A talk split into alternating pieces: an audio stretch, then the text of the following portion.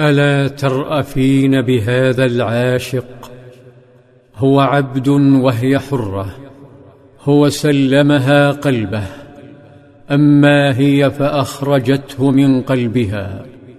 جمع بينهما الرق ذات يوم فتزوجته ولما عتقت جعل الإسلام مصير زواجها بيدها فطلقته. فانفطر قلب مغيث ورجاها البقاء لكن بريرة رفضت احترقت أضلاعه وألهبت الدموع محاجره تذكره جدران البيت وأبوابه بطيفها الحبيب تنطلق يوما لبعض شأنها فيراها في الطريق فيطير قلبه.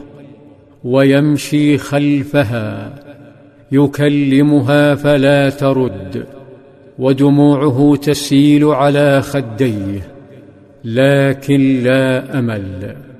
ويظل هذا العاشق في طرقات طيبة يبكي حتى رآه النبي صلى الله عليه وسلم فأشفق على هذا القلب الذي عني صاحبه.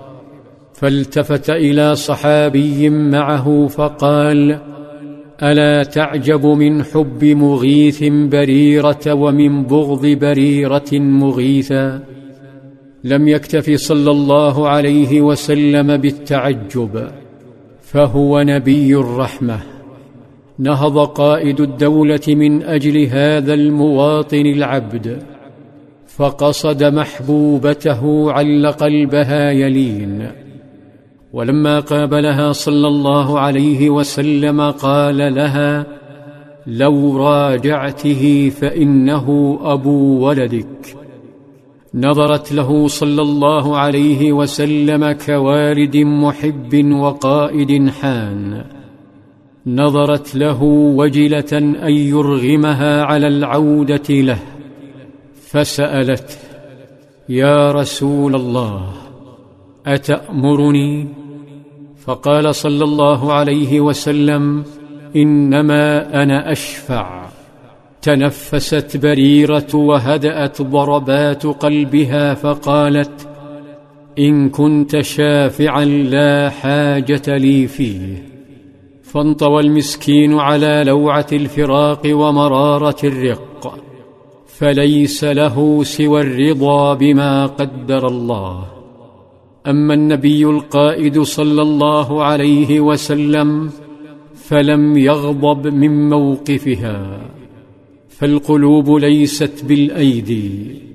لم يكن هذا المسكين هو وحده في قلب النبي.